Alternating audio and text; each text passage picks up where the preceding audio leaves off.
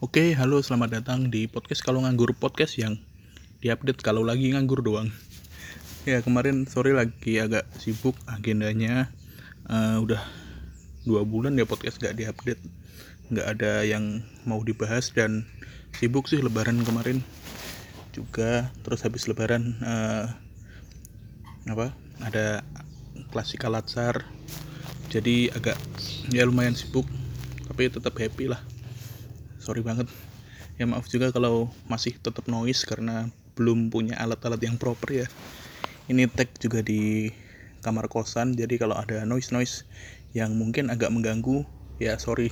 Kalau mau uh, suaranya bagus ya tolonglah dibeliin studio. Nggak minta alatnya dibeliin studio sama alat-alatnya aja. Oke.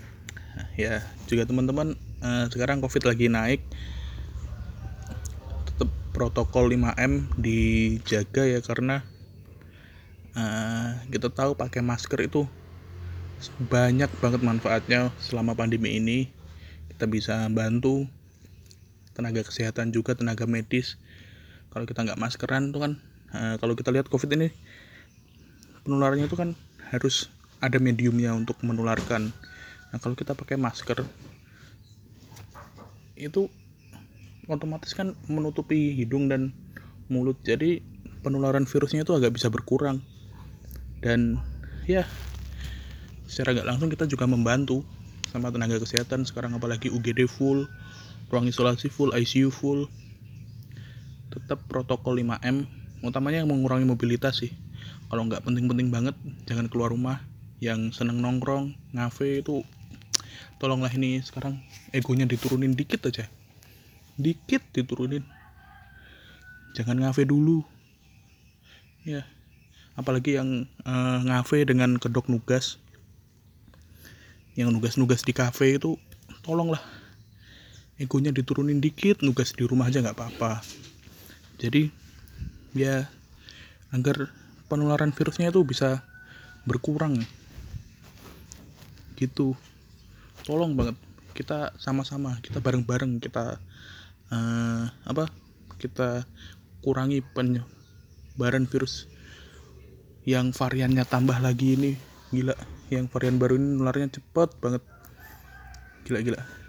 Oke uh, jadi saat ini di ketika record ini kan ini tanggal 3 Juli di mana tang hari pertama PPKM darurat ya diselenggarakan dan hari ketiga pembukaan CPNS 2021 nah kemarin saya habis WA terus telepon sama beberapa temen yang uh, tahun ini mau daftar.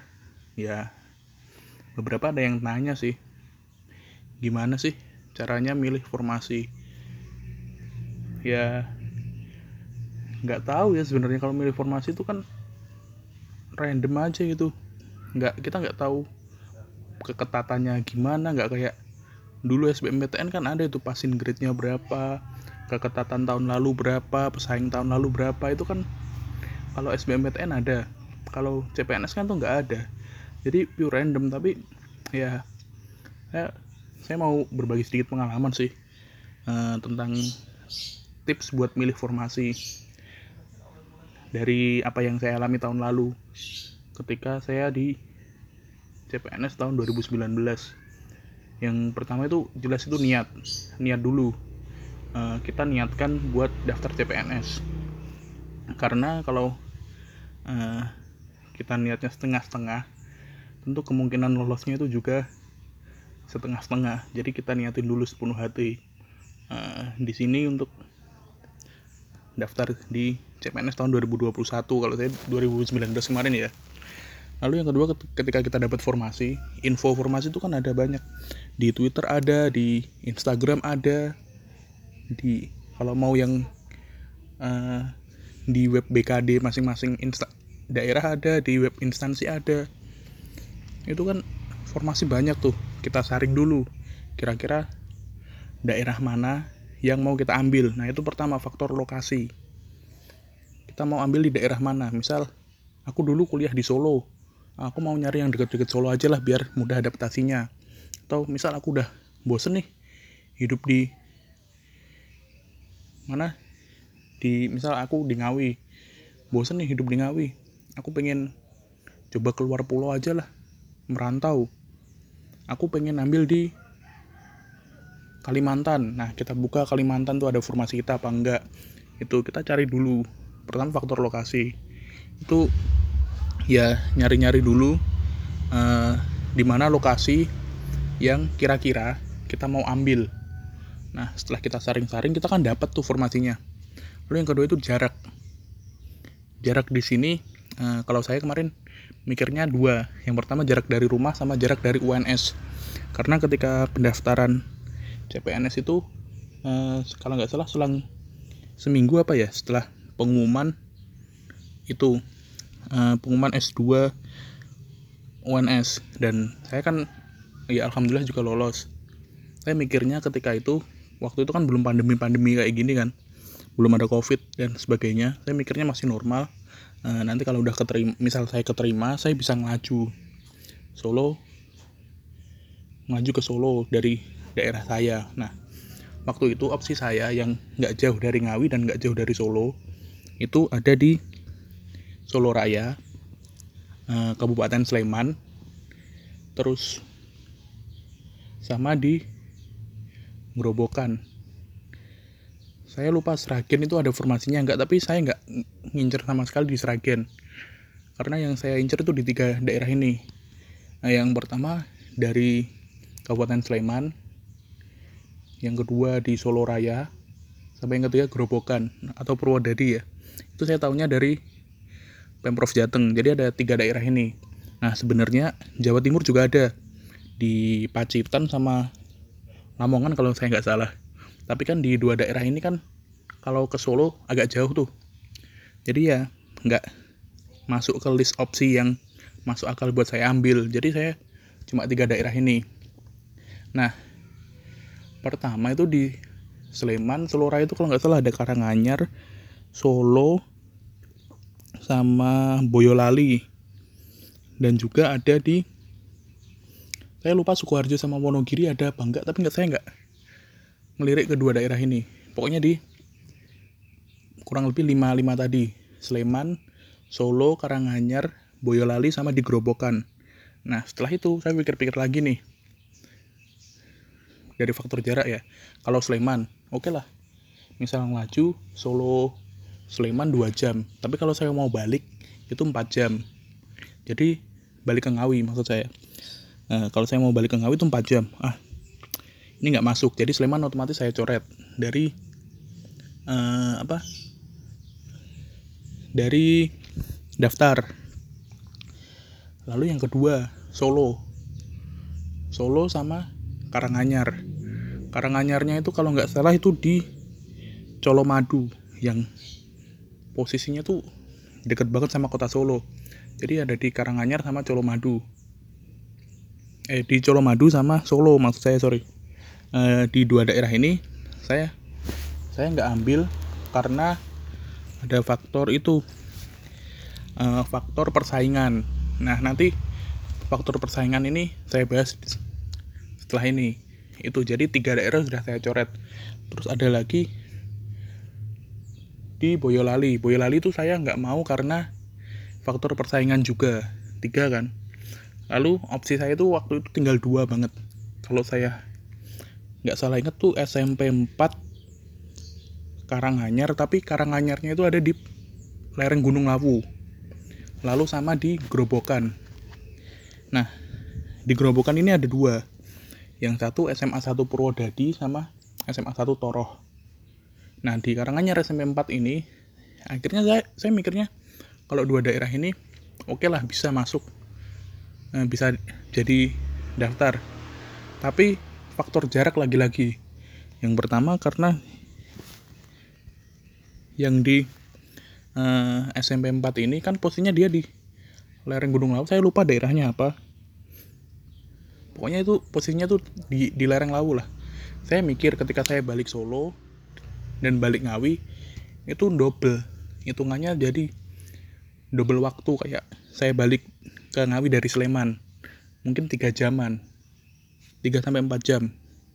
Jadi otomatis ini saya agak coret dari saya coret dari opsi selain itu karena saya saya pribadi orangnya nggak tahan dingin ya nggak tahan atis jadi opsi untuk tinggal di daerah lereng gunung agak saya kurangi.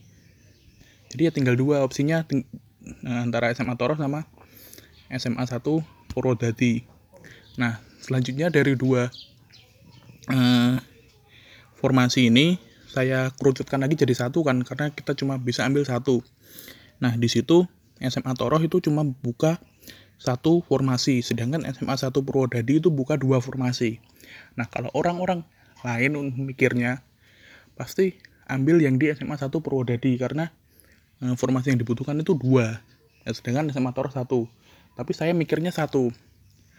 Kalau di SMA 1 Purwodadi itu e, yang dibuka dua, otomatis saingan-saingan akan masuk ke situ.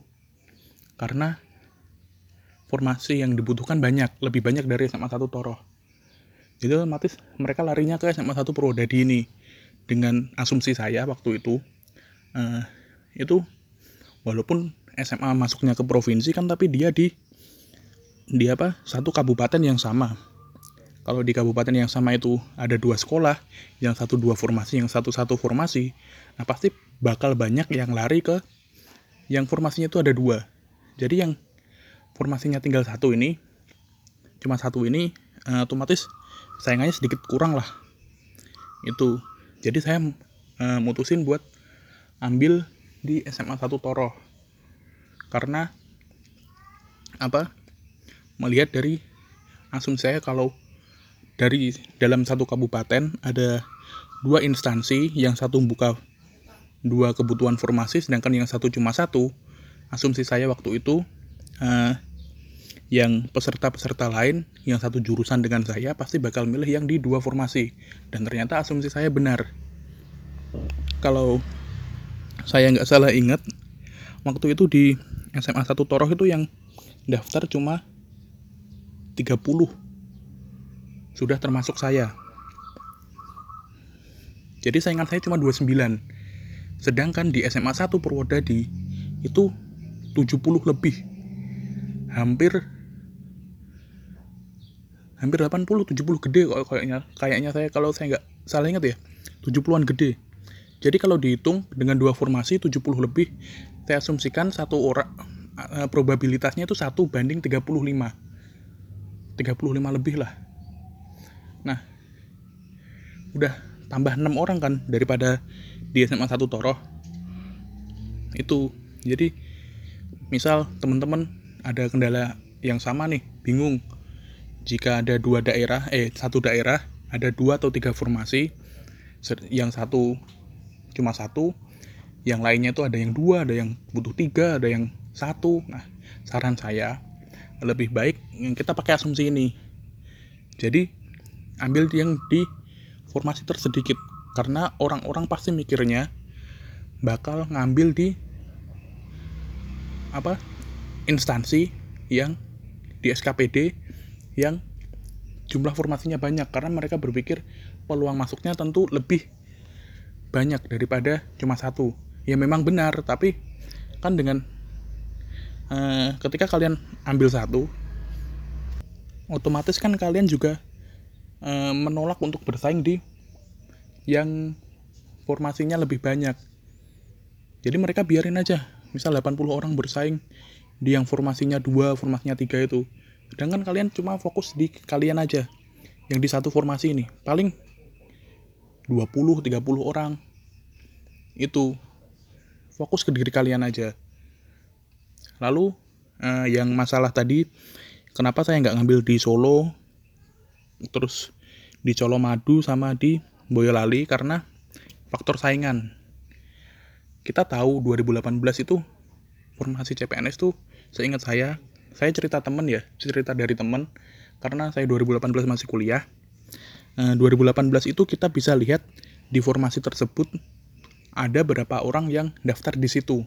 Nah sedangkan ketika saya di 2019 itu nggak bisa.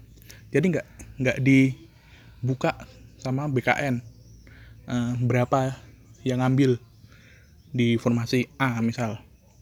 Nah, kenapa kok saingan?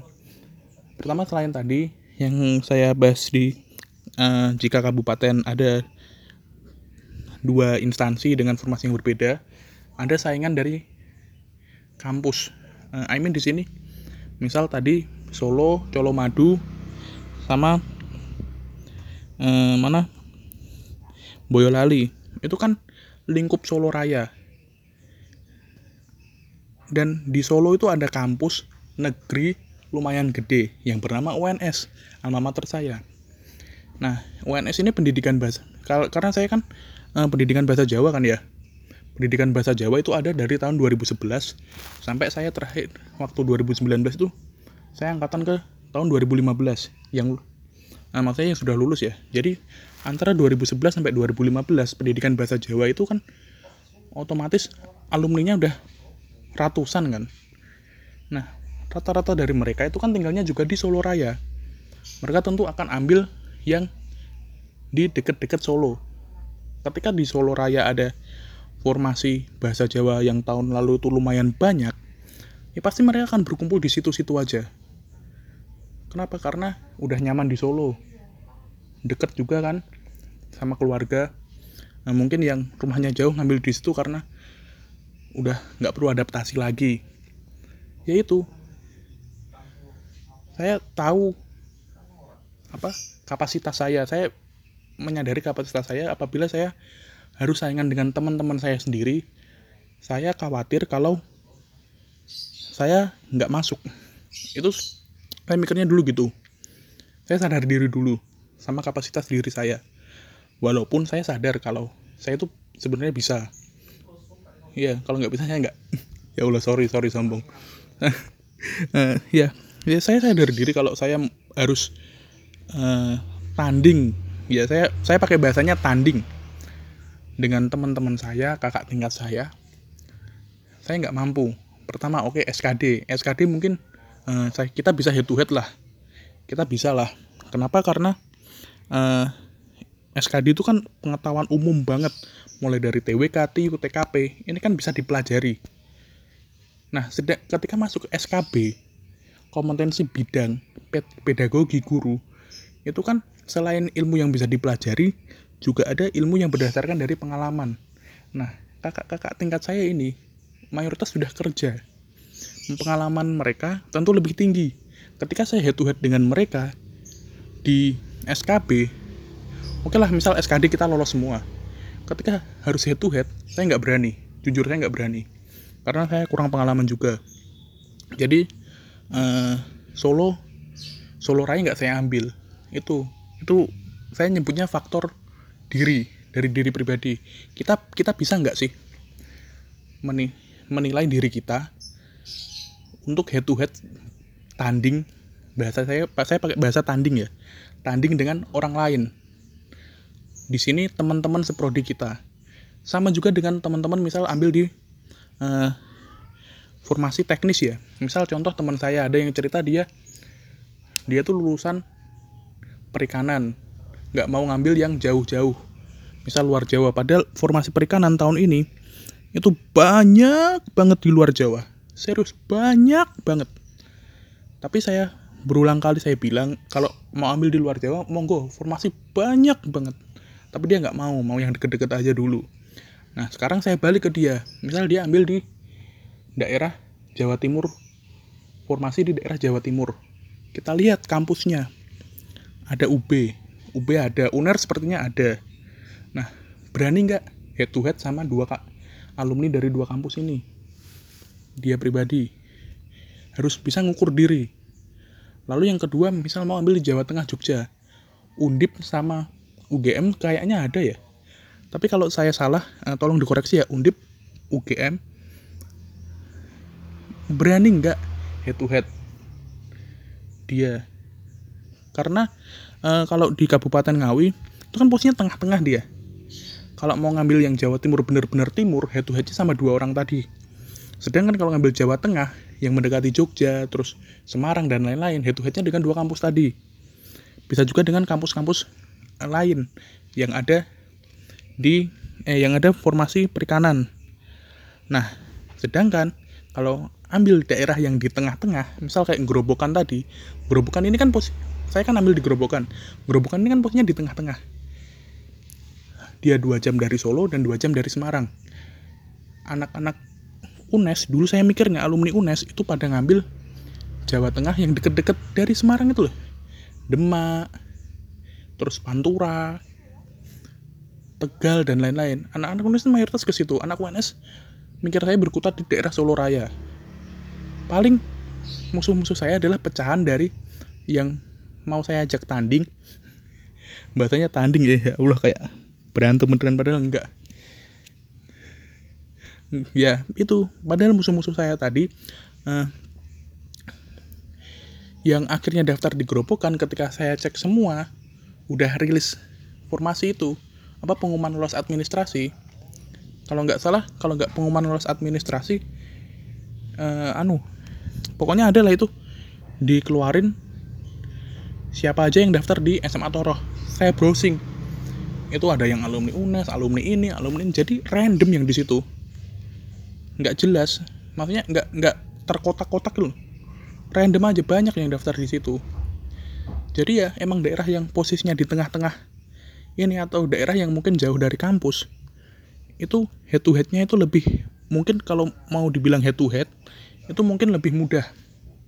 Karena ya itu tadi nggak terkotak. Jadi itu ada faktor ada berapa ya tadi? Lokasi jarak terus saingan sama faktor diri. Berani nggak head to head tapi kalau saya lebih terfokus ke faktor diri. Ini yang bisa mengukur teman-teman semua. Jadi teman-teman harus bisa mengukur diri teman-teman. Uh, bisa nggak kalau ambil di formasi sini formasi sini formasi sini? Berani nggak kalau head to head sama anak sini anak sini anak sini? Kalau teman-teman berani hajar aja. Karena uh, yang dibutuhkan di ketika tes itu nggak cuma apa yang teman-teman pelajari tapi kepedean. Kalau teman-teman udah belajar banyak banget tapi di dalam lokasi tes nggak pede hancur.